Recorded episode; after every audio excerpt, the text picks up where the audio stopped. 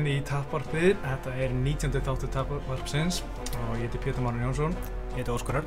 Uh, við erum hérna uh, takk upp með stöðum millibili. Uh, við erum ekki bara tveir. Nei, við erum með sérstaklega gest. Það, er þú, Rólur, velkomin. Takk fyrir, takk fyrir. Þátturinn er sjálfsög í bóði Óhansbúðar. Óhansbúð er starfsett í mjölni. Það er það alltaf alls fyrir bardaíþróttir og svona almenna íþróttaiðkun. Rólur, þú hefur eitthvað litið þar einið, ekki? Jú, svona aðeins, ég held að ég sé með eitt eða tvö logo með þess að bara á peysunum minni Jú, Já. hérna er eitt og ég með þess að með eitt tattoo verða á mig Ertu með Óhansbúðar tattoo, tattoo hérna logoið þeirra?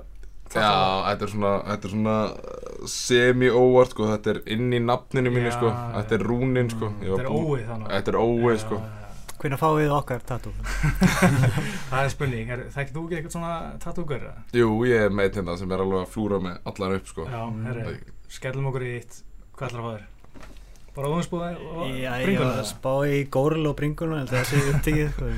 Já, Það er eitthvað þema samt að vera með dýr á bringunni, sko Já, ég held að sé bara Conor og James Gallagher sko. Já, ok, re- reyndar, reyndar Ég sá reyndar Darren Elkin, sá hann að fá sér hræðilegt tattoo, sáu það? Nei, Það var eitthvað svona stóð damaged á bringunni Nei, og misti það. þetta var svona svona eins og fontur sem að viðlega bara Microsoft Word eitthvað svona Mm. og með svona smá rauðu letri þetta var alveg hræðilegt sko, skellulegt ég þyrfti alveg bara síningu myndaði á eftir, það er hræðilegt hræðilegt dæmi Mhm. en hérna við ætlum aðeins að tala um uh, þig, Rólur og Já. hérna tala þessum UFC 204 uh, sem fer fram um helgina sem Michael Bisping og Dan Henderson mætast og svo bara sjáum við hvert, hvert spjalli fer Já. uh, Rólur, þú ert að fara að keppa á EM núna í Prag Já. í 27. november eitthvað svo lesa ekki Uh, Þetta byrjar 19. er það ekki Nei, Gunni er að keppa 19.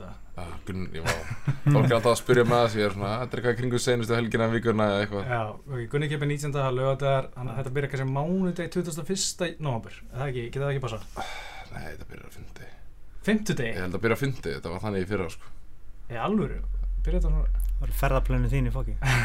Nei, Ekki taka mark á mér þú veist, Þeir, þeir gefur bara flugum mér að handa mér Segja mér bara daginn aður hverja ég fyrir út Ég Já. bara mæti og ég bara já, Ég sé ekkert um að plana sko. Ég mæti bara til að berjast nákvæmlega, þú vilt ekki að- þú varst ekki að hugsa, þú vilt ekki hugsa ja, Ekki um þennan hluta Ég er að hugsa, ég er að hugsa nógu mikið sko. Nákvæmlega, þú uh, keppti náttúrulega síðast en uh, það var í Birmingham ekki Jú Hvernig var það? Var það svona, svona smá steikt kannski að vera, þú veist, keppa, hvað, fimmtudegi eða miðvíkudegi, klokka tíu morgunin og kannski ekki margir áhundur og svona ekkert yngungulega og svona aðeins öðru sér stemning? uh, Nei, það var að ég kefti svolítið sent Ég kefti lang senast öllum Ég held að klukkan hafi verið orðin alveg 7-8 eða eitthvað þegar ég kefti Já, sko. ok. En það, einmitt, það var svolítið steikt, það var, þú veist, annar fæti í gangi í búri hliðin á, öll Mhm. ljósin kveikt Já, uh, Einu áhörðinu voru bara norsarðinu sem voru að týra hingaðin sem voru mótið mér já, Já, þannig að það var mjög weird, sko, ég man að ég fekk þessa mjög skrítin tilfinningu sem var svona vá hvað þetta er allt raunverulegt. Vá hvað ég er eitthvað mikið hérna. Vanlega ef maður er í eitthvað svona smá aðelin kasti Maður er svona eitthvað í sóninu Svona tónlist í gangi Og eitthvað svona Hvað maður segja, svona stróbljós og eitthvað. En hérna Það var meira svona eins og æfing. Já, þetta var meira svona eins og æfing sko. En hérna Enga síður bara mjög góð og skemmtileg reynsla. Þetta er í eina skipti sem ég farið allar þeirra lóðunar já, já. Og tapaði þess á split decision Sem var alveg virkilega súrt já. Mm. Þetta var mjög jafn barndagi, hérna, þú hérna vannst, hvað, fyrstu lótan í öllum og var það svo þriða lótan sem var svona, Sko það var eiginlega bara þriðalótan sem var kontroversi sko ja. sem var svona hvað getið að fara að baða leðir en ég skoraði öll teikdáninn Mm. uh, ég varðist öllum teikdáninn frá honum en hann náði mér svona semi niður í lokinu þriðalótu Já. en ég var að wallwalka upp þú veist, ég var sitjandi upp í búrið og hérna ég reyndi einhver submission á hann ég náði ground poundinu uh, eina sem var bara, hann var svo helviti hár ég náði ekkert að stjórna stand-upinu sem ég átt svo öll með. Já, uh, þannig að ég fór bara í wrestlingið en ég vil meina bara já, að ég veit það ekki þetta bara gekk reynilega ekki hjá mér. Nei, en ég man bara átnis að við mig þegar ég fór inn í þriðjulóttina hann bara, þú ert með fyrstu tvær, haldur bara áfram að gera sem þú gera og þú bara vinnur þetta. Já, og það er bara sem ég gerði, ég held áfram að gera það sem ég var að gera. Bjóstu að ég myndi vinna þetta en Svo var ekki, maður hefur nú séð steiktari decision í UFC sko, þannig að Já. ég ætla ekki að fara hérna, þú þvæli við þessi nei, sko. Nei, nei, skilji En þessi gæja, hann var alveg ágætlega góður Fór hann ekki alveg allavega í úrslitið eða? Jú, hann tapaði bara úslitabardaðanum á decisioni, hann, hann endaði með silfri sko. Ok, ok Endaði alveg að tíkja okkur gæja og tjóka okkur gæja alveg út með triangle hengu, bara hvað loka ok. sekund í bardaðanum sínum. Ég horfði um þetta bardaði með honum og Ok. virkilega góðu bardaði, sá Já. bardaði. En þú ert að keppa í millivitt aftur eða ekki Jú, 84 kíló. Já, hvað ert þungur núna, sérska? Uh, ég er svona 88, 89 Já, ok, ok. Kannski, ég er svona aðeins yfir. Já, það var eitthvað svona svolítið off-season hjá okkur í ágúst uh, og hérna ég bara fór að lifta úkslega mikið. Ég má ekki horfa á lóð sko, þá fyrir ég að bara bölka. Og svo var maður kannski ekki að hugsa um mataræði eitthvað 110% mm, uh, þannig að já, ég bætti það á mig. Ok, en ekkert eitthvað svona slobby sko. Nei, þetta, er bara, þetta er bara kjöt. Þetta er bara kjöt Ja. sko Veistu eitthvað um mótið, veist, hvað eru margi gaurar og, veist, það er raunin bara ekki ennþá komið fram. Eins og í fyrra þá held ég að bara upplýsingarnar hafi leiðið fyr, frammi fyrir manni bara tæpri viku, tveim fyrir þetta. Já, það átti að vera einhvern svona umsóknarfrestur og svo voru eitthvað rosalega margir sem voru ekki búin að ganga frá sínum málum. Við erum að skilja einhverja læknisóttarði og eh, fá svona frá þess að liðstjóra frá hverju landi, samþykja og það voru ekki allir búin að vinna úr sínum málum eitthvað bara tæpri eins og ég segi, tveim vikum fyrir þetta eitthvað. Þannig að við sáum þetta ekki bara, eiginlega bara rétt að hann fórum út þá sáum við nákvæmlega hvað voru margir í hvernig flokki. En ég gerir ráð fyrir því að það verða eins og í fyrra lightweight, welterweight eru stærsti flokkarnir. Já, og svo svona aðeins tinnist upp minnir að middleweight og light heavy hafi verið sama uh, að það hafi verið, man ekki hvað voru margir. Það hefði ég bara þurft að berja sko eitt bardag á hverjum degi ekki svo Bjarki Ómas og Bjarki Þór hefði þeir farið alla leið sem Bjarki Þór þetta gerði. Það var einn dagur sem þurft að berjast tvo já var samtals fjórir eða, uh, Já, já, nei það voru fimm. Fimm. Fimm, Fimm. En þú veist að mér hefði verið samtals fjórir. Já, já, bara einn bardag á dag í fjóra dag uh, Hérna, hvað varst það þungur í fyrra þegar þú varst uh, að fyrir milli eitt? Þú veist það eitthvað að kötta, þú veist, þú var riktað inn á hverjum degi eða var Já, þetta? það var viktan á hverjum degi og ég var 85 kíló sem er bara svona mitt setpoint ég er vanlega bara 85 kíló og sko það var, þú veist, ég bara borðaði ekkert um morgunin á hann fórum eða drakk ekki neitt vatn eða eitthvað, ég tók bara allar mat með mér og það var hérna fyrsta daginn sem ég þurfti að fara hérna bara í bað Sist, Mm. og ég fór í kvöldi áður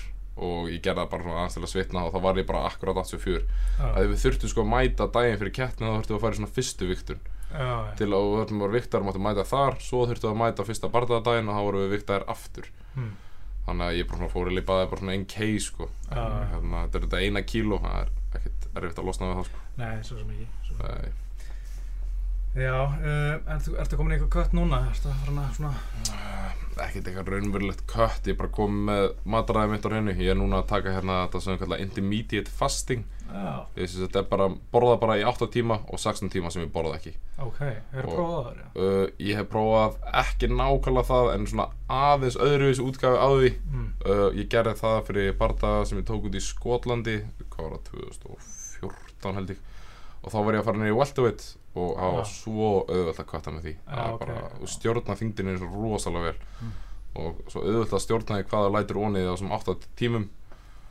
Og að ég veit ekki, fyrsta vikan er ekki svolítið erfið að þessu en svo er þetta bara rosalega þægilegt. Það þurfi ekki að hugsa um mat í 16 tíma. Eins farlegt á hljómar hljómar mjög fyrirlega það hljóma mjög fyrir það en hérna, þegar þú ert komið svona on track með þetta og ert bara komin inn í rútínuna þess að ég segja svona ein vika þá er þetta rosalega þægilegt en þið finnst bjórinn ekkert, ekkert vondur? en mér finnst þetta ekki vondur en hann er off núna Er hann átt núna? hann er búin að vera off í tvær vikur og verður það alveg bara þangur til bara um jólin Ok, ok. bara þangur til að kemur til heim Já, ok. En hérna, ef þú ert á svona intermediate fasting, er þá eitt bjór inn í þessum 8 tímum, eða mátt ekki taka bjór inn á 16 tímum eða? Eh, Nei, sko, eh, ég þyrfti það að taka hann inn á þessum 8 tímum Já, sko. já. og hérna, en það er oft talað um að maður megi borða meira svona hvað sem er þá maður þurfi ekki að hugsa það mikið um mataræði sitt en ég er ekki alveg inn á því ég er alveg að hugsa svolítið vel um þetta. Og ég er að taka mismöndi daga fyrir þetta hvað ég er að æfa mikið, hversu mikið hvort ég borða mikið af kolvetnum, hvort ég er flókin eða innföld og hvort ég sé á svona hálgeri paleo eða keto það sem ég er að borða bara meira fit og prótínum á vissundum Já, uh, og ég er bara með svona smá sem ég setti bara upp fyrir sjálf mig og ég er bara að prófa mig áfram í því núna. Já, og er búin að vera að gera þetta núna það er komin hvað, það er bara tvær vikur núna sem ég er búin að vera á þessu fullu og ég líði bara mjög vel.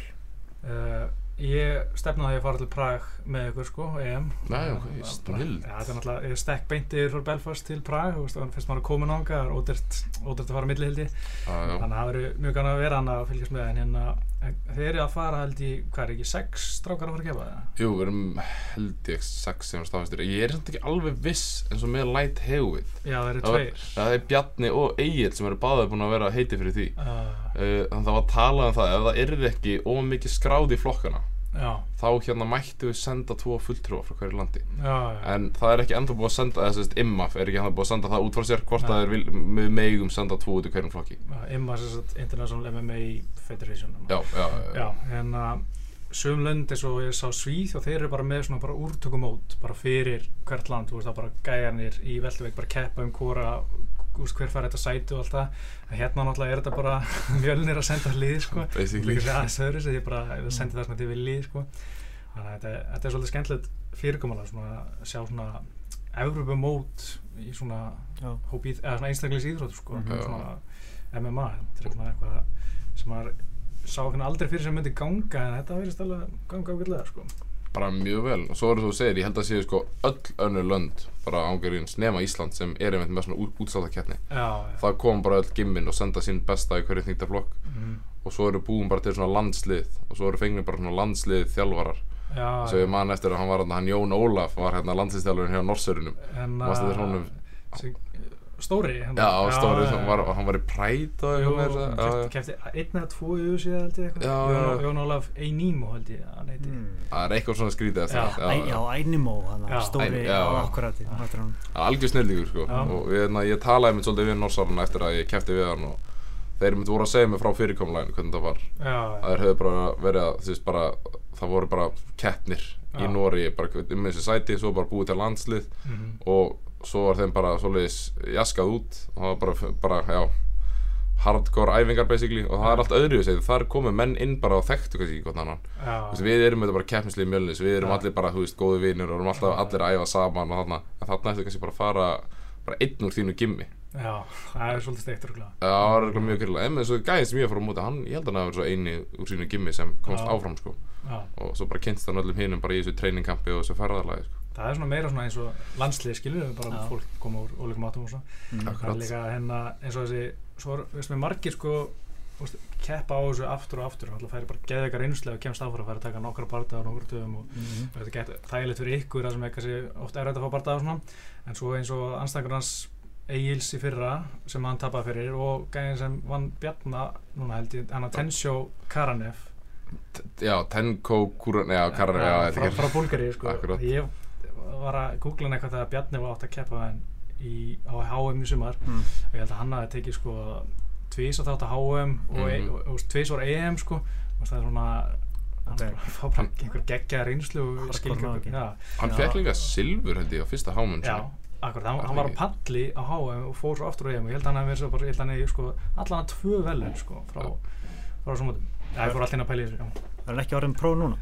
Nei, allan ekki, ekki sumar sko. Það er bara ekki sangjant sko. Nei, geðu eitt reynslu. Já, Baldi hvað var ekki eða þetta Bjarki Þór myndi bara gera þetta? Það er bara sleftið að fara pró og er alltaf bara welterweight champion bara. Já, Það var líka gæði hérna sem Titan FC samt við einhverju fyrir, hann vann HM hann að 2015 í Las Vegas og hann var með sko á 24-0 sem amateur eða eitthvað.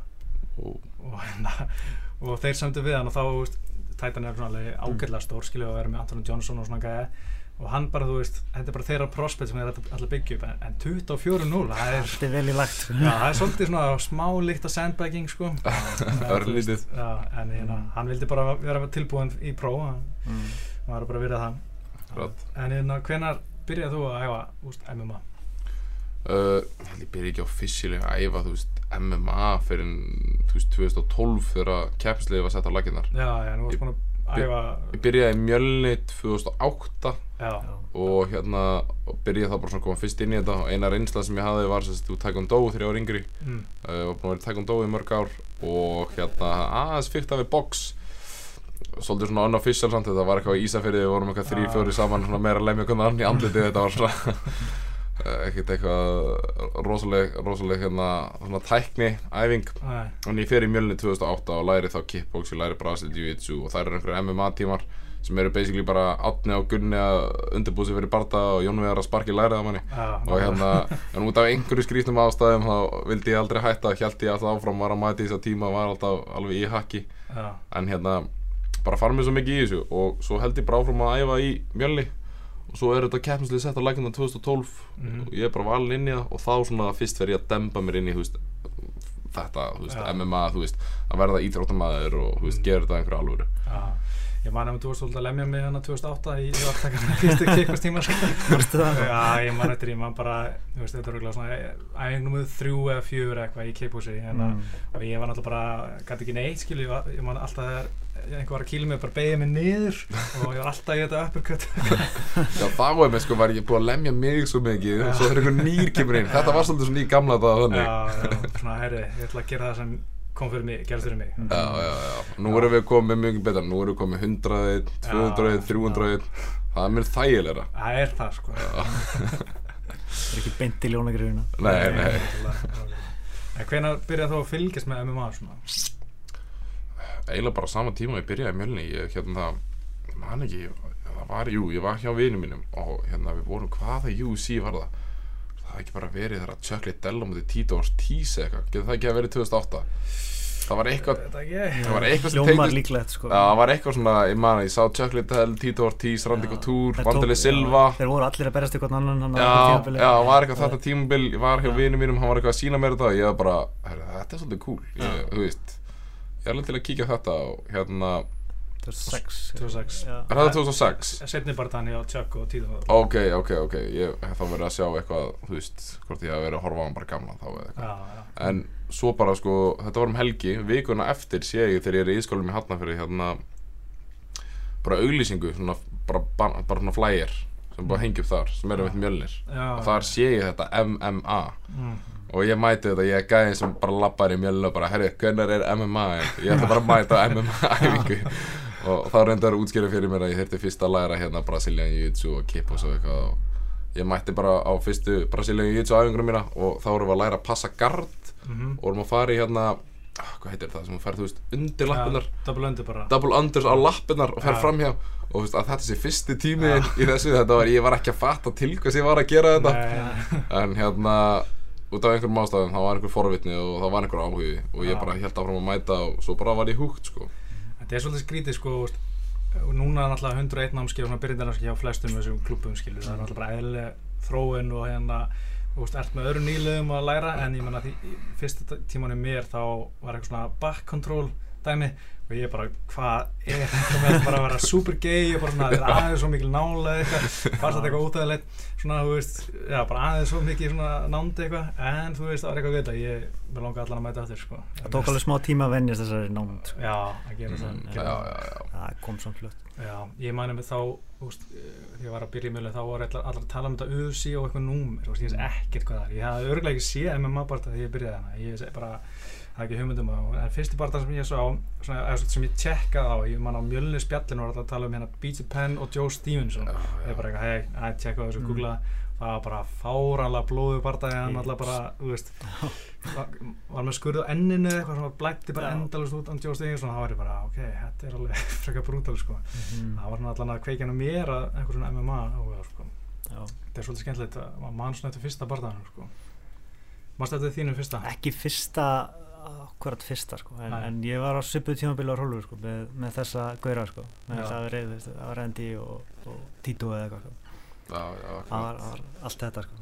Það var geggjað sko. já, þetta er það var líka bara svo mögnu saga um hvernig, hvernig Randy fór niður e, já, Tito þú veist, alltaf að berjast við Chuck og, og það klikka allt saman og, og Randy stekkur inn í og bara raskillar að báða. Já, geggjað sko. Já, nákvæmlega já, ég er líka að vera að pæla með hérna með Prag að það er ekkert inngöngulega þetta verður allt svolítið steikt. Uh, og ég lappa eftir ykkur með hátalara með inngönguleginu til þess að Mm. gefa ykkur smá svona fíl fyrir alvöru barða já, það hljópar ekkert illa sko. Þú bara sendir inngöngulega, ég verð með það bara í iPhone-um Já, ég er til í þetta, sko.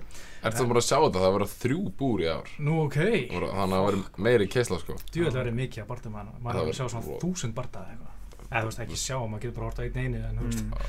Það Mm. þetta verður einhver styrlunar Þetta verður það sko, þetta heitir Spartan Arena. Næs, Sparta Prag er hann að fótballaliði í Prag. Veit ég hvernig það tengist í eitthvað? Það lítur að vera. Já, Það getur verið. Uh, auðvitað 204 er um helgina, ertu spenntið fyrir því?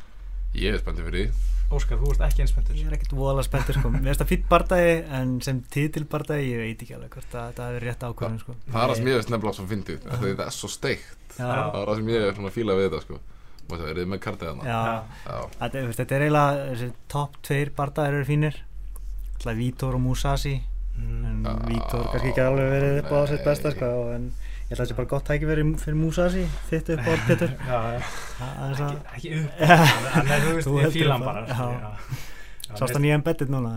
Eh, Fyrsta þáttunum allan Já, ok, það var eitthvað að gera upp ykkur íbúð eitthvað. Já, ok, ok Allir ykkur í treyningampi og hann bara gerir upp íbúð Já, Bara Airbnb já. eitthvað. Bróður hans var að gera, hann var eitthvað með í þessu verkefni með hann Ég man sko Þetta er bara svo döl ná ekki eitthvað Ég veit ekki af hverju, mér fannst heldur bara held að eina ástæð fyrir ég byrjaði að halda svona með hann er þegar hann var sko Strikos meistarinn Mm. það var samt bara að æfa einhverju bílskur með bróður sinum sko. Hann var ekki með eitthvað, eitthvað lið, það var bara hann og bróður sem voru að sparra Það er alveg hann á, respekt sko. þú veist, hefi hérna, hefi backpúðunum bara eitthvað, þú veist, á pötsum og eitthvað Mhm. og svo, já, bara, herri, já, taka hérna barða hérna K1 barða í Japan og móti hérna eitthvað, Q, eitthvað svona, eitthvað legend, ég man ekki alveg hvað hann heitir Mm. hann bara rústaði honum og, bara svona, þú veist, og svo var Jack Slack alltaf að hæpa hann upp með svona alls konar skemmtilega greinum og ég fór að lesa alltaf það og, og bara einhvern veginn gerði mikið fyrir mér sko. Já, Mhm. Já. en mér finnst líka Michael Bisping sko, ég, veit, ég er svo, sko, ég veit ekki hvort ég fíla hann eða ekki. Bara sem manneski, mér finnst eins og Dana White sagði hérna heimildmyndir sem var gefin út hana vikunum Mm. Destiny eða eitthvað hann er svona likeable asshole. Hann er douchebag Já, hann er, mér finnst hann alltaf vera eins og hálfvitið. Svo er alltaf eitthvað smá svona, svona æ, ég held veginn smá með hann, svona fíla smá veginn. Já svona working class gaur sem að alltaf bara, já hann er alveg unnið fyrir þessu, maður Já, yfir ferlinn og öll töpin er á móti bara allra bestu gaurunum. Þess að hann alveg skilir svolítið respekt og fær það ekkert alltaf. Nei, ég hef alveg oft sko, veist, ekki gefa hann þetta respekt sem hann á skilið sko. en, hérna, en þú veist þetta bara a- þessi breski húmor sem hann með svona, svona bandir þú veist, þetta er oft svona sem, sem maður er ekki alveg inn í er svona maður fattar svona mikið. Þetta er bara eitthvað svona Æ, svona, er svona ekta svona tjalli sem hefur svona bara eitthvað Mm. með svona skjóta vinina og skjóta alla og, mm Mhm. og spila sér og, og kokki gæja eitthvað neins sko.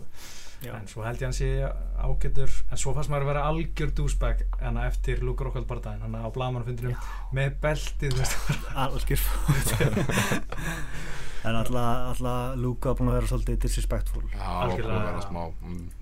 hann, hann bara svona head coming svolítið. En er að fara að sjá H-bomb H-bomb það getur allt er alltaf komið ykkur óvænt úrslit. Já, og minna, hann, hann leit vel út í síðasta barða já, já, Já, ég er bara að spá við því sko Er með, með við hvernig segir þetta bara það var og líka, þú veist, þetta á, það er alltaf þótt að Bisping neyti því, það er svona, það er eitthvað smá inn í haustum á hann Já. er ennþá hrættið síðan senast. Já, það er engin, þú veist, þetta er bara vesta KO í sögu MMA Já. og þessi fljúmandi olbói eftir það. Já, þú veist, þetta situr eftir í manni. Þóttu sér bara að vinna úr þessu, þú veist, hann á alltaf eftir að verða eitthvað hikandi og hrættur við þetta það er góð punktur sko og þú veist, Dan Henderson, þú veist, við vitum alveg hvernig hann er, hann er svolítið svona don't give a fuck guy og Já. hann er alveg tilbúin að koma inn bara og negla þessari H-bomb bara einsett Beint low, low kick og bara Já, já, Æ. akkurat líka mjög fyndið að hann gerði þetta að logoi þegar hann Já. er fljúandi gegnum loftið Já, setti það á Já.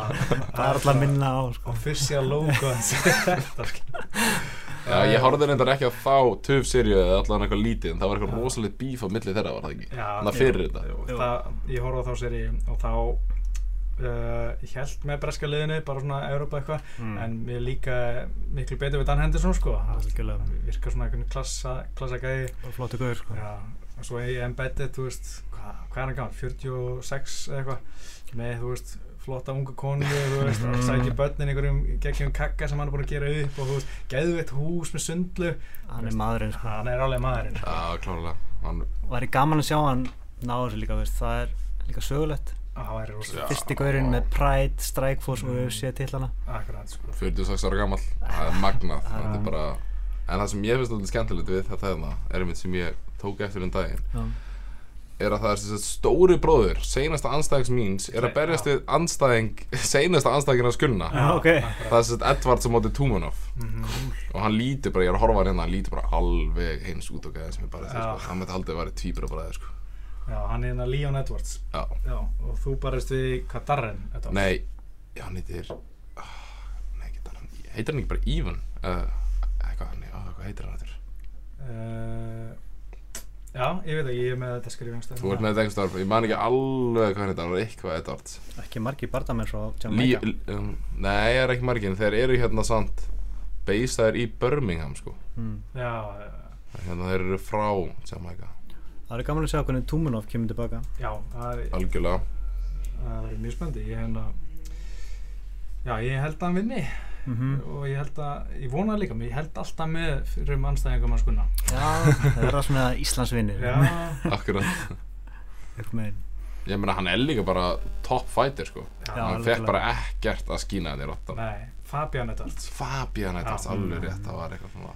Já, Gunni bara shut hann já, shut him down. Já. Sko. algjörlega. Já, hann var eitthvað aðeins að svona, hitta í lók fyrstu lótu og svona aðeins í byrjun annar lótu hann var svona fann, eins og var búin að átta sig á svona tímasetningunni hjá Gunni aðeins. Mm. en þá fók Gunni bara teikt hann. Akkurat. klára þetta bara í annari en já, ég er hérna ég er mjög spenntið fyrir að sjá hvernig Túmun og kemur, kemur tilbaka Mhm. er það eitthvað að fylgjast með honum á Instagram eða eitthvað? Nei, ég fylgjum nú það sko, það er, þú veist, hann alltaf skrifa bara all- alltaf einhverju rúsnesku eða eitthvað sem maður skilur ekkert en hann er alltaf einhverjum þú veist, þetta er ekkert geðvik aðstæð sem hann æfi í og þú veist, hann er alltaf í fjöllunum eitthvað að laupa eða eitthvað. Það er svona skemmtilegt að fylgjast með honum sko. Rocky Já. 4 já, hann er, hann er Ívan Drago. Það er eitthvað, eitthvað cool við þar. Já, en það er alveg nokkur aðrir svona nokkur áhugaverðir já við getum bara kannski farið yfir kartið svona á nokkurn veginn. Ég held að Bisping ég ætla bara að segja Bisping, Tiki og Dan Anderson. Þessi- þetta tinn er búið hjá honum. Ok, Já, ég segi stig Bisping. Já, ok, ertu með eitthvað sérstætt ránd sem þú heldur að Bismund takja nýja? uh, önnur lóta Bara önnur lóta? já Ok, ég ætla að segja önnur lóta nefnilega Dan Henderson sko. Já. það var gaman en svo er náttúrulega já, Ví- Vítor Belfort og minn maður Keikert Musashi sko, ég, en að sko, en að Vítor Belfort hann rótaði Dan Henderson það er ekki ár sinna hann rótaði hann sko. Þú veist, það var í november í fyrra Það var steravítur Já, Hann leit Nei, hann út svolítið mm, það var hann, hann var samt svona með þetta explosion sko, eins og hann verið hann var nýbúin að tapa Vætmann það sem hann var svona Já, hann- hann surfing eins og hann hafði farið upp og niður aftur. Mér fannst það eitthvað með hann var náttúrulega í Brasilíu sko hann Já. geti vel verið svona Nákvæmlega, sko. það var með tal Fekk hann þetta TRT þá eða? Já, það var, Það það er búið að banna það sko náttúrulega Það var búið að banna það þarna? Já. Það- þetta er búið að banna já, hann er ekki, hann barðist hann fyrsti barðan eftir að búið að banna var mútið Chris Weidmann sem leit út eins og bara fjör, 45 ára kall í formi skilur Mm, serveri, serveri eða eitthvað. En hérna hann er ég held að hann sé búinn sem top 10 á Vítor Belfort og ég held að Musa sé það geta bara Mm. stegum örugt Alltaf er alltaf hættulegur í eina eða tvær mínútur. Já, veist, Þannig að getur allt gerst. Já, En sá ég já, eins og augað á Michael Bisping hann er svo. Ógeðslega rangiður Mm. það er bara út á 10-10 Vítor Belfort það lítur að vera svolítið leðilt að horfa, horfast í augað það. Það sökkar. Já. En hérna Horfast í augu við það. Já, þetta Góður. Ég var ekki viss hvort ég hefði fatt að þetta væri bara ekkert fyndi en já, Já, ég kann að með það svona. Já. uh, Ég held að, já. Hvað segi ég, Belfort eða Musasi Ég segi Musasi Já, Musashi decision. Já, Ég held það sko uh, Owen St. Prú og Jimmy Manua uh, Mér finnst Jimmy Manua svona svolítið svona smá vonbriði hann alltaf kom inn, Mhm. varst þú í Nottingham líka, Rólfur? Nei, ég var ekki þar Nei, en að fyrsti bara dæni Gunna í öfisi var í Nottingham og Óskar þú varst þar að Jimmy Manua bara myrti Kyle Kingsbury sko. Já, ok, það, ég er að hugsa, ég fór líka á hann Í London? Já, Já. þá var, þá hérna, þá tapaði hann fyrir Gustafsson Já. en þú veist, ég man nú bara sko, andlita á Kyle Kingsbury var eins og sko fílamaðurinn eitthvað Mhm. en síðan þá hefur hann bara einhvern veginn ekki náð næstu í þessum hæðum sko, veist, hann náttúrulega í hérna London hérna, februar eftir næsta barndagjökunna þá vann hann hérna æ, franski kickboxerinn hann The Snake, hann Cyril Diabati já Já, Mm. vann hann sko eftir svona TKO að því að hann misti sig eitthvað og hérna kálfi, nei, eh, svona ristin eitthvað, hann gæti ekki halda áfram, veist, hætt á stólunum áður en annar lóta byrja, þannig að hann. TKO og svo var hann að móti Ryan Jim og það var líka svona skrítið TKO held ég, já, ok. Það var bara svona allt allt svona svolítið skrítið, hann er ekki verið svona eitthvað destruction eins og maður áður mannstættur og svo var hann orðin alltaf 37 ára held ég, Já, þannig að svona ekki alveg staðendi vendingum nei, svona ég hef alltaf, ég bjóst við meira sko. Mhm. En Hann er alltaf á móti OSP sem síðast til John Jones. Ég, ég held að OSP takki það bara. Ég held að OSP takk þetta bara á rótteki sko. Ég var eiginlega bara svolítið að því. Hann getur komið með góða bombur. Já, og er lúmskóðu líka á gólfinu og örgulega miklu betur en mannúar sko, á gólfinu já, já, nákvæmlega Hann getur sabbað hann bara Já, klárlega, sko. Hann líka bara svona orthodox gæði einhvern veginn. Það Já. er svona skrítið að horfa á OSB berjast alltaf. Já. Hann fattar ekki hvernig það virkar. Nei, hann alltaf tók hérna One Flute Joke hana á móti Nik Nikita Krylov. Mhm. Hann Þú er ert svolítið- One Flute Joke? Já, ég, svona, já, ég var svolítið að leika með það. Þegar ég sá, þegar ég sá þetta fyrst á YouTube þá, af því að það voru svo margir alltaf að reyna gillotína mann þótt maður væri komin fram hjá Já. gardinu slepp ekki tækinu. Það slapp ekki takinu og, ég, svo, og þannig ég fór bara eitthvað rannsóknu að vinna á netinu og fann þetta og já, ég myndi á, ég hef svolítið að vera að vinna með það og hérna, virkaði vel sko Ég man allar einhvern veginn og myndist að varst að sínum verið einhvern veginn einu. Ég hef aldrei náða þessu held ég samt. En hérna, já, svo er uh, Stefan Strú og hva, hvernig segir maður þetta nafn? Já, og það segja rosalega hratt ok. þá getur það ekki klúraði Daniel. Já, þetta eru tveir í þungautinni. Uh, Stefan Strú náttúrulega tók Antonio Bigwood Silva á 16 sekundum í, í mæ. Hann, það var ógeðslega steikt. Glerhakkaði þetta bara Mm. Þú veist, maður var nýbúin að jafna sig, þú veist, ekki búin að jafna sig eftir Gunnabardaðan og maður var ennþá að skrifa um hann og svona, næstu bara þetta byrjuði maður svona var að ho- horfa á hann með öðru og svo bara, herra, þetta er bara búið. Mm. Djöfull, ég misti það í lega þessu. það þurfti á því að halda svolítið Já, Já, algjörlega, líka í, þú veist, hann var heima hjá sér og Mhm. það var hvernig krátið var, ég var þetta þarna úti í rétt, já. og þú veist, bara stemmingin í kringum þetta, þú veist, Já. og hann var svo glaður og bara allir í kring og þú veist, það var, var svo góð stemming yfir þessu, Mhm. en greiði. Það er- Hann á ekki sjötaðan að selja. Nei, en hver er, ég veit ekki hver er Daniel gæðir, ég verð bara að viðkynna það. Ég held ég einu sem síðan, sko, hann er bara, einhvern veginn bara, Er þetta ekki svona prílimskur sem er Jú. núna komin á móti fyrsta nafninu sinni?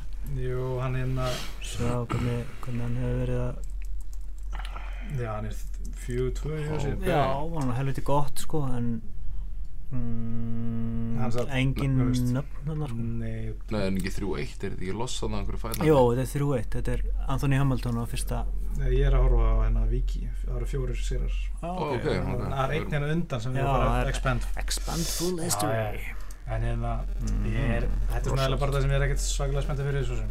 Þetta er bara ekki neina svona, að, þetta er bara main card, hefur eitt bara það, geti, geti verið skemmtilegur í einu lótu, geti verið frekar leðilegur. Já, það er alltaf er einmitt með þess að þunga þetta bardaðar sko. Mhm. maður svona vonast eftir og ef það klikkar það bara, ná, ok, best að, best að ná sér í eitthvað í þetta Já, satt, satt.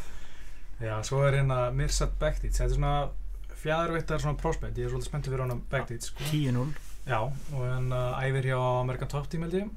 Og búinn að vera svona mjög efnilega, búinn að vera svona, svona, svona ground and pound gæi Mm. tegum hann bara og pakkar hann niður í veginn. og hann sleit crossbandi, ég held að þessi fyrsti barða hans síðan hann sleit crossbandi, svona komið tilbaka þannig að það verður gaman að sjá hvernig hann kemur aftur. Hann alltaf átt að mæta einhverju breyta Arnold Allen, það hefur verið skemmtilega barða, Allen er líka svona prospect sko, sem er Mm. ósegraðar en Russell Dwayne kom inn bara í vikunni og hann er í bandavikt, þannig að ég held að short notice Já, Bektis lukkar svona svolítið stór. Erfiður bardaði að koma með stuttum fyrir ára Já, Mm. uh, ég held mér að Dwayne hafi barst í flyweight eins og sko, ég er ekki frá því. Ok. En hérna ég get ekki sagt að þessi degjúspenningi ég, Þannig að þetta er bara eitthvað walk around veitiðan sem hann er að fara að berjast í bara, ég held það sko. Já, þetta Nei, er þessar Já, þetta er mitt, já. Júri Alcantara móti Brad Pickett. Já ég meðist Alcantara bræðin alltaf svolítið svona, ég næði þeim ekki. Ég, svona, mér finnst þið stundum skemmtilegir svo bara sem þið bara gera ekki neitt Júri er samt betri sko. Eða það? Já, Já, ég man aldrei hverju hvað samt þannig. Kannski, kannski er ég að hugsa að alltaf er skemmtileg bara það var annar bróðurinn það er leiðilegur það var hinn, bró, hinn hennar bróðurinn ég er nokkuð vissum að þessi sé betri. Aha. Já, ég er alveg eins, ég get ekki heldur muna hvað er hvað, sko. En Brad Pickett er sjaldan í leiðilegum börnum. Nei, Mm. Já, og í Manchester, þú veist, þá fær hann ekstra eitthvað Já, já, Adrenalín nákvæmlega. Hann er skemmtileg karakter, kemur alltaf inn með hattinn hann. Mhm. Já, já, Ég já. held að af hans hafi verið einhver pro-boxer sko í Mm. svona Englandi og bara eitthvað svona og það hafi alltaf verið með eitthvað hatt og eitthvað, ég held að sé svona smá eitthvað svona tribute til hans. Mm. Minnum, minnum mig að lesa einhvers þar. Minnum við alltaf á Snatch Já, nákvæmlega. mjög mikið. nákvæmlega. En já, þetta er, er alltaf lægi bardagöld sem sem, en hérna Já. ekki svona, þú veist, ef þið vilja fá einn góðan barda á main kartið, þá þetta verið mjög gott, bara, þú veist, mjög gott main, main kart allan, sko. Já, men Við fáum 205 Já, já, þetta er. Fó-. Fórnum fyrir það sko Það eru allir þar. já, nákvæmlega. Það er ekki hægt að fá jólinn alltaf sko Já. það, það, það, Svo er reynda mesta fíbl í heimi, Mike Perry, hann er að berast. Byttu nú Nei, við, bíddu, hver ha, var hver? það? Það er fíblið Eh. sem hérna uh, er á skilur því að hann braust inn í Já, hús og hérna rotaði einhvern gæja á auðvitað bara bara frekar stutt síðan, ég held að það var 203 jafnvel sko. Ok, Nei, óskiljaður 202 held ég, já og hérna og hann var með hotnamennina, hann var að berast í Hyunji Lim, hann frá Kóru mm. og þeir voru rétt hann bardaginn byrja voru að kalla á hann úst, þetta er ekkert mál, hann sér ekki eins út um augun Mm. með svona rassísk ummáli Já. já, ó, Shit, hvað það er slæmt Já, og, og það var eitthvað eitt annar algjör svona douchebag moment og það var eitthvað í viktuninni, mann ekki alveg hvað hann gerði en já, þetta er bara svona, þetta er mest að fíbl sem ég sé en sko. hvað varst það um braustar einhvern inni eða eitthvað Já, hann, hann er á skilurri, sko, því að hann braust inn og hérna, hann sagði þetta í MMA áður hann Já, það var kostulegt viðtal sko. Já. Já. Þetta er bara svona fyrirlegu karakter Já, En það er svona gaman að svona híl gaurum sem já, bara En hann, þó hann er að skila hann, hann fær samt að fara frá bandaríkjunum yfir til Breitlands að berjast, eða veist, ég veit ekki, ég, kannski er það búið já, kannski, kannski, ég veit það ekki, á móti Hot Chocolate, Já, Danny Roberts mm.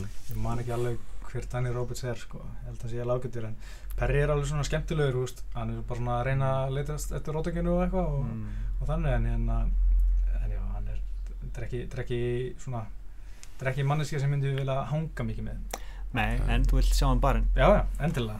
Hann hefur bara klárað svona með KO og TKO, hann hefur ekkert söppað, aldrei farið í decision.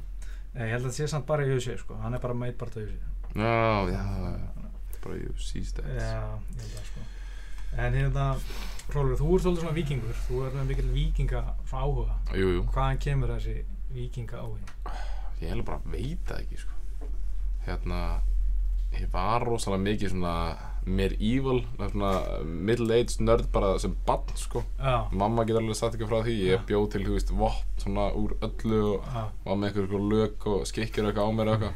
Það þróaðist bara út í eitthvað svona vikingadæmi og Íslendingasögur og eitthvað, ég veit ekki alveg ég veit ekki alveg hvaðan það kom, þetta er bara eitthvað í mér sko. Nei, og hérna, já, mikið ég segi mikið af einhvern skrýtnum sögum það sem að ég er hérna lemdi fólk með eitthvað plastverð Mhm. eitthvað svona, já, klassist bara. Eitthvað mjög klassíkt sko, en hérna já, ég allavega og þú veist, þess vegna fíla ég svo rosalega mikið að vera hérna, þú veist, íslenskur fætir að vera svona vikingur ég þurfa náttúrulega að horfa á þetta svolítið, maður er bara svona svolítið að fara út í viking og svona, Já. ég veit ekki, mér finnst það svolítið svona það er skemmtilegt að setja sér það upp sko í hausnum að maður sé ekki bara svona ég er ekki venilegu góðbóndi það er bara eitthvað 9 to 5 vinna svolítið hinni. Ég er bara vikingur og það kannski svona getur verið hart og erfið stundum en ég fæ allan að fara í viking nokkur svona ári Mhm. já. Það gerir mér nógu að helviti glæðan Já. Það er lífstíl Já, Eh, þú horfður líka mikið á Vikings hittir ekki leikarinn hana sem leikur Jú, flóka eða eitthvað? Gustaf Skarsgård. Hann var á æfingu með hann á mánudaginn.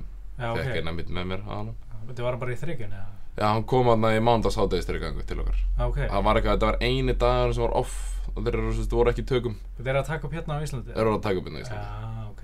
og hérna, ég fekk að vita eitthvað smá um það hljómar Já. mjög spennandi og hérna, ég hef mitt fílar rosalega mikið með þessa vikingstætti hvað þeir eru sko, þetta eru þetta fictional Mhm. en það eru, þú veist, karakter í þessu sem, þú veist, veist, voru til í alvörunni eru, þú veist, í sögubókunum í alvörunni þeir svona Mm. spinna í kringum alvöru sögulega svona Já. facts og þeir svona setja það inn í þetta líka með Mm.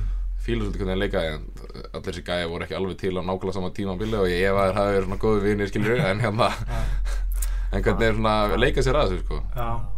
Horfður á þetta, Óskar? Nei, ég prófaði þetta einhvern veginn datt ekki niður sko. Nei. En- Ég fekk líka sko vinnu hérna eftir ég sleitið mitt crossbody á mér Já. og þurfti að vera alveg off frá æfingum og gæti ekki að þjálfa mig meðlega. Fekk ég vinnu hérna á Eiríkstöðum í Haugdal sem er svona sem sagt, bara lifandi, þú veist, eða lifandi, þú veist, ég var bara einn á það sko en þú veist, whatever í einhverju vingabúning og var að segja þú sögu Eiríks Rauða og Leifs Eiríkssonar þetta sem fundu Grænland og Ameríku sem er auðvitað, þú veist, lítið umtalað en þetta er auðvitað Mhm. alveg svona frekar stórt dæmi Já. og það er mér bara svona kviknað áhugum minn upp aftur og ég fór aftur að lasa allar íslendingasöðunar og bara var mér fróður um þetta og bara líka mikið af skemmtilegu fólki sem maður hittir út, útlendingu sem er að koma hinga bara til að kynnast Já. þessu og það sem þeir voru að segja manni og eitthvað og það var alveg magnað sko og svo akkurat sko um veturinn ég er nefnir sumarið og svo um veturinn bara eitthvað tveið mánuðum eftir ég kom inn í bæinn eitthvað þá kemur hérna gæðin sem leikur Rollo, hann Clive Standen. Það er það sem að ég fæ nickname mitt hann Já. kemur mitt á bæinn Mm. og Eiríkstæður, Já, ringir ok. í gæðin sem er að reyka þetta og fær veist, bara private tour og eitthvað Mm. ég var svona freka svektur að hafa ekki getað fengið að vera gæðin sem tók hann í túrið sko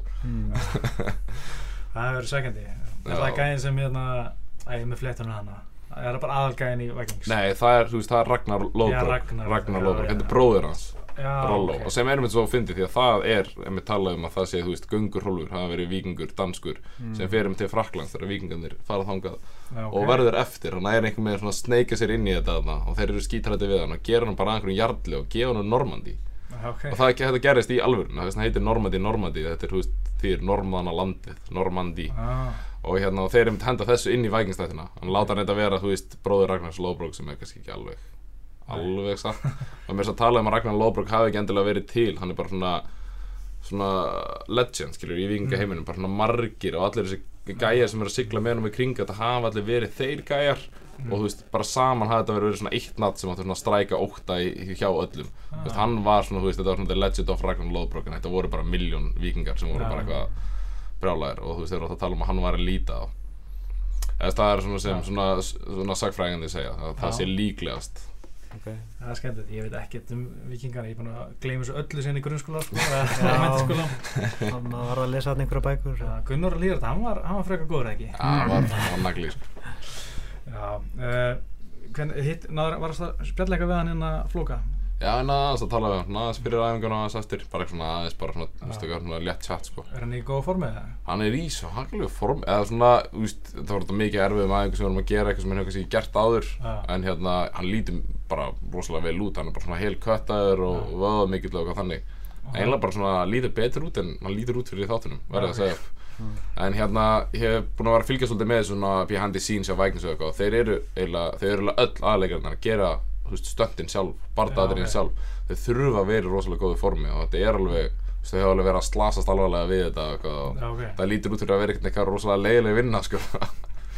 Já, þú varst, varst, byrju, þú varst einhvern tímann að fara í stönd svona skóla eða ekki? Jú, það, eitthvað- eitthvað það var eitthvað svona pæling í því hérna, ég var eitthvað búinn að vera eitthvað svona, eitthvað svona smá stöndi hérna heima Já. við, höfum verið fengnir nokkuð mjölistráka til að gera eitthvað svona það var ekkert verið neitt eitthvað alvarlegt Nei, en hérna já, eftir að Dead Snow kom inn það var 2013, þá fengum við um Já. þetta búið til okkar eigi svona choreograph fighting og eitthvað Mm. þannig og það var um fólk að meiðast og við vorum eitthvað að hoppa yfir skrítir eitthvað ferða og eitthvað, mér fannst það ógeðislega gaman Já. og þá með kviknaði það áhugði, bara mér langar að fara í stöndskóla en þá hérna var ég með þær í cover eftir crossbandslakir eða eitthvað þannig og kom svo aftur inn í kemslið og fór að æfa og bara vildi fara að berjast frekar já, ég skilji. en hérna maður þarf að bara velja að hafna í þessu lífi sko Já, og til nákvæmlega. miður En ég meina þú veist, þú getur farið að setna hérna, þú leggur hanskana í hilluna eða eitthvað. Já, algjörlega verið svona færtu stöndar fór mér Já, Akkur ekki ég meina, þú veist, James Bond er ekkert unglam, skilju, það þarf einhverja eldri kalla til þess að vera stönda fyrir hann. Já, Eða, þú veist, bara svo- svona sem svo- dæmi, skilju. Akkurat Mm. Já, ég man hérna eh, í þessu koreograf námski, ég, ég, ég, ég tók svona helgar dæmi hana í Dead Snow þá var ég að Bjarki Ómars að koreograf eitthvað og við koreografum bara MMA fight sko, það var takedown, ground and pound. Já, ok. það var ekkert, ekkert prík sko, hendi því bara frá okkur strax sko, það var mjög skemmtilegt sko. Ég var eitthvað mikið að vinna með príkin sko. Já, og okkur fannst það svolítið gaman hópurinn sem ég var í. Já, og við gerðum svona ímislegt brútal og eitthvað. Já, það var skemmtilegt, gaman að þessu. Já, virkilega. En hérna, hvernig líst þér á Donghyun Kim og Gunnar Bartan? Ég held að verið bara hörku bardaði sko. Mm og þetta er eiginlega bara þú veist, ef ég segir svona frá mínu sjónaröðinu ekki bara því að ég, ég, ég veist, Gunnar að æfa með mér eitthvað þannig og ég, ég, ég held vantalega auðvitað með honum Mhm. en ég held að það sé svolítið gott matchup fyrir hann. Já, Þú veist, Dójan Kim er svolítið svona judo-gæði, er það ekki? Svolítið svona, þú veist, inside fighter og þannig. Mm uh, er þetta búin að með nokkur, þú veist, rótök upp að síkastið? En hérna ég veit ekki, þetta er svona stæði listikli bara hendi þetta mjög vel fyrir Gunnar Já. já, að þú veist, ég held að judo sé ekki að fara að ógna hann um neitt, sko. Og heldur ekki stand-upi því að mér finnst hann vera svona svolítið flatfótagæði sem bara svona Mm. finnir róttanir og stekkur að þar en Gunni er svo lús á fótunum. Þú veist, við hvernig fótarhengarnar hans eru svo mikið inn og út og maður getur aldrei staðsett hann. Og ég held að það er bara þurfa að vera mjög erfið fyrir Dójan Kim. Já, og svo er bara gaman að sjá það einmitt fara saman í gólfið. Og ég meina Já. við erum bara alltaf að sé hvað gerist þegar gæðir sem eru að vera góðir í gólfinu þú veist fara með gunna í gólfið. Þetta er eiginlega bara bara kröss já, ég, orðin, ég, ver all, ég er alltaf að vera meira og meira stressaður. Það er ekki alltaf hann Það er eitthvað alltaf, ég segja, ég verð alltaf meira og meira stressaður en næðdrýfur og svona, ég er alltaf farin að fá einhver svona bara, shit, geti þetta gerst, hitt og þetta, sko. það getur allt gæst ég Já. eins og þessi spinning elbow þetta þetta var Kim. Þú veist hvað var það?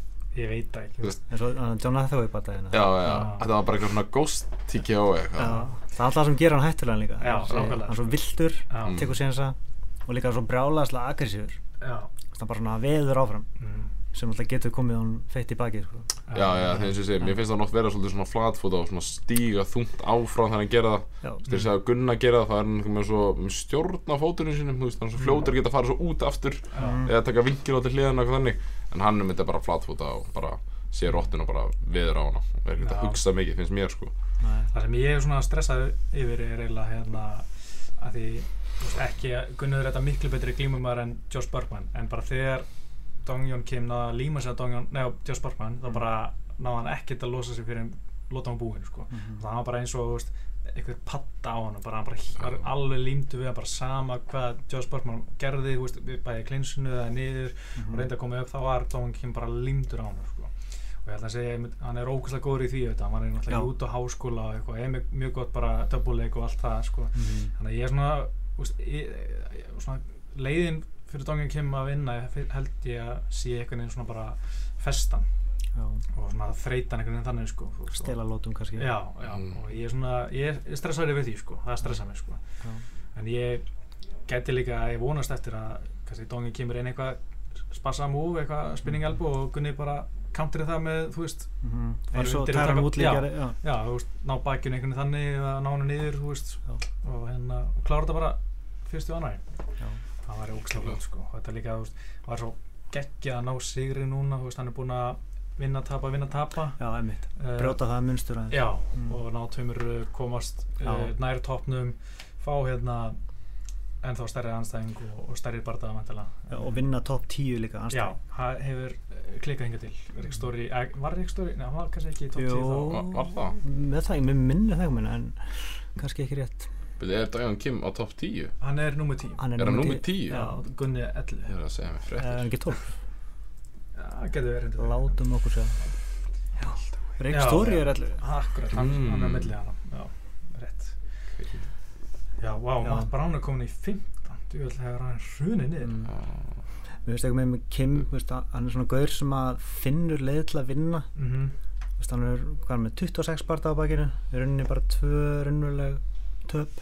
Á móti mjög erfiðum anstæðingum þannig að það er svona það sem veldur mér ágjum er eiginlega ekki eitthvað eitt atrið Nei, það er svona gaur með mikla reynslu sem Já, að já. getur nánast allt og það sé kannski ekki alveg frábær standandi og allt það sko.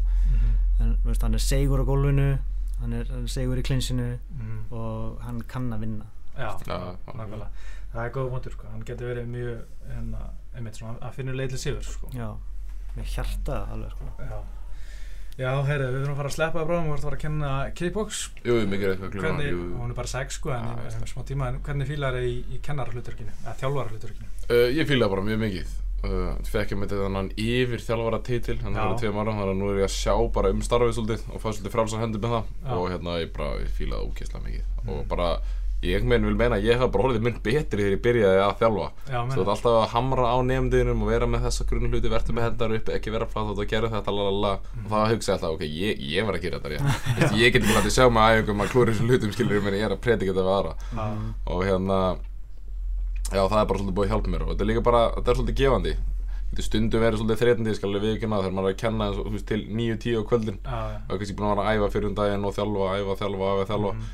þá var svona alveg til ég að fara að sleppa þessu. Mhm. en einhvern veginn bara í lók dagsins eða maður er alltaf bara jætt sattur Mm, nákvæmlega.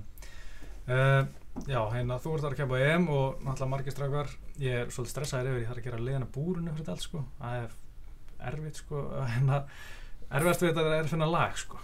Hérna, fyrir ykkur allar, sko. Þú veitum samt búin að vera alveg bara heldur góður í finnst mér sko. Já, þetta er að vera, ég er að vera búið með en lagalista sem ég er með, sko, ég er með YouTube svona playlista sem, úst, ég er bara að adda vídeo svona, úst, bara klipping, eitthvað svona, svona það sem ég tek úr, hann er að vera ansið tómur, sko. Já, það það þarf að gera fyrir alla alveg. Ég ætla að reyna það sko. Já. af því að veist, þetta er miklu skemmtilega þú veist, þegar maður, maður gerir svona eitt sammeilegt við að fara út þá bara einhvern veginn, það er ekki en skemmtilegt skilur og ég var að skoða lög fyrir þig í dag sko, eða svona að pæla hans í og mér finnst eins og þú að ég er að vera með svona vikingalag sko, ég er með lögur Viking síðast, ég held ég Já. gerði það síðast. Ég var hugsaði smástöldu að vera með krummisvæði klettagjá það kom, kom hann á einhverjum playlista en að það sé- það veri bara skrítið sko að til einhvern svona massi þess að þungar útgáða því, er það að tala um hana? Nei, ég held að það hefur bara verið með eifur eða eitthvað. Já, ok, ok, ok, það mátt finna eitthvað Já, ég held að þetta var eitthvað skrítið sko hérna. Já, eh. verður, hérna öllum var að sleipa þér, bara takk fyrir komuna. Já, bara takk fyrir mig, bara gaman. Mjög skemmtilegt að spjallum ímislegt hérna. Uh, Ég heiti Pétur Manu Ég heiti Óskar Örn og við bara þökkum árðana og verðið sæl.